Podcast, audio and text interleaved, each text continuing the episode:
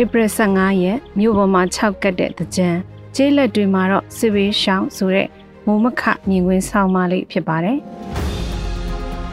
မြို့ပေါ်မှာ6ကတ်တဲ့တကြံကျေးလက်တွေမှာတော့စစ်ဘေးရှောင်းနှစ်စဉ်အလုပ်ပိတ်ရရှိမြမရွရတကြံ3ရက်မြောက်ရောက်လာပြီဖြစ်ပါတယ်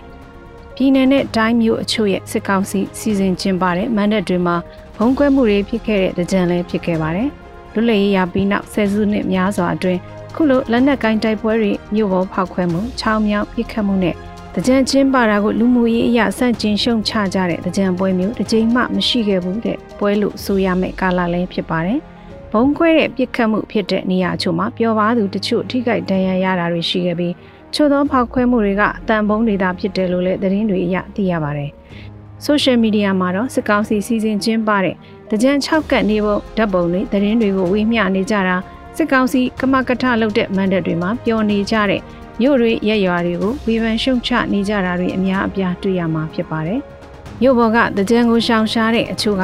ကမ်းခြေတွေနဲ့ပန်းဖြေစရာနေရာတွေကိုတွားရောက်ကြတာကြောင့်ပန်းဖြေနေရာတွေမှာတော့စီကားနေကြတဲ့သဘောလဲတွေ့ရပါတယ်။ မြို့ပေါ်မှာတကြံနဲ့ပတ်သက်လို့သဘောထားကွဲလွဲအမြင်ချင်းမတူကြဝေဖန်ကြငင်းခုန်ဆဲဆူနေကြခြင်းမှာကျေးလက်ဒေသအချို့မှာတော့အသက်ရှင်ကျန်ရေးအတွက်ထွက်ပြေးတိမ်းရှောင်နေကြရတာ။နေအိမ်တွေမီးလောင်ဆုံးရှုံးပြီးတောတဲ့တောင်ထဲမှာဖြစ်တယ်လို့နေထိုင်နေကြရတာပူပြင်းတဲ့နေရာဒီတံကိုတောက်စရာရေရှားပါတဲ့တောတဲ့တောင်ထဲမှာနေထိုင်ဖြတ်သန်းနေကြရတာဖြစ်ပါတယ်။ခုလာဆန်းပိုင်းကပေါင်မြူနယ်ထဲမှာစစ်ကောင်စီလက်နက်ထုတ်လို့ရေးစက်ရုံက ကုန်ကျန်းကားနဲ့လုံခြုံရေးလိုက်ပါလာသူအရာရှိတပ်သားတွေကိုဒေသခံ PDF တွေကကြားပြတ်တိုက်ခိုက်ပြီးသိမ်းယူလိုက်တဲ့ဖြစ်ရဖြစ်ပြီးနောက်မှာအဲ့ဒီဒေသကခြေရွာတွေကိုစစ်ကောင်စီတပ်တွေက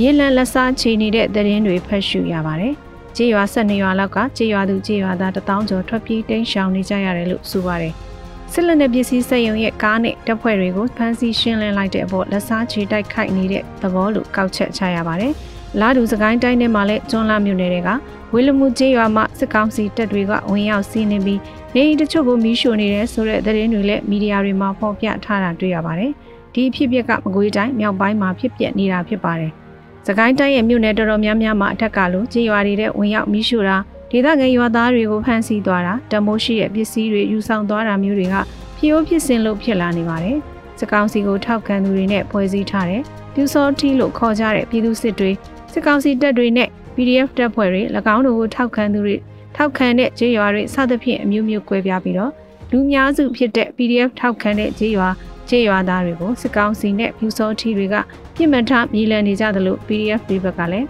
ဖြူစောထီအဖွဲ့ဝင်၎င်းတို့ကိုထောက်ခံသူကိုပြန်လည်လက်စားချေရှင်းလင်းနေကြတာဖြစ်ပါတယ်။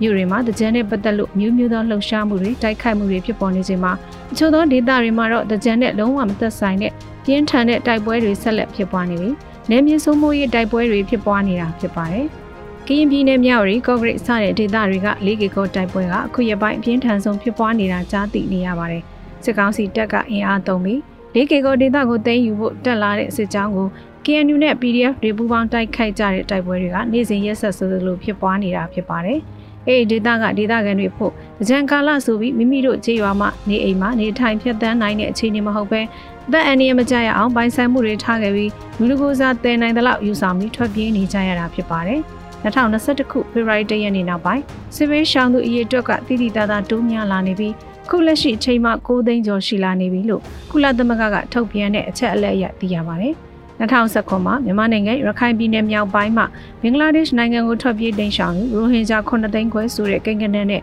ခုလက်ရှိစစ်ဘေးရှောင်ကိန်းဂဏန်း9သိန်းကျော်ကိုပေါင်းလိုက်ရင်တသန်းခွဲကျော်ရှိလာပြီဖြစ်ပါတယ်။ဒီကိန်းဂဏန်းတွေကိုကြည့်ရင်မြန်မာနိုင်ငံရဲ့ပြည်တွင်းစစ်အရှိန်ကတိတိတသားမြင့်တက်လာနေပြီးလောလောဆယ်မှာတော့ဒီလက်နက်ကိုင်တိုက်ပွဲတွေရောကျသွားမဲ့အလားအလာထက်ပိုပြီးတိုးမြင့်လာမဲ့လက္ခဏာတွေသာမြင်တွေ့နေရတာဖြစ်ပါတယ်ရှင်။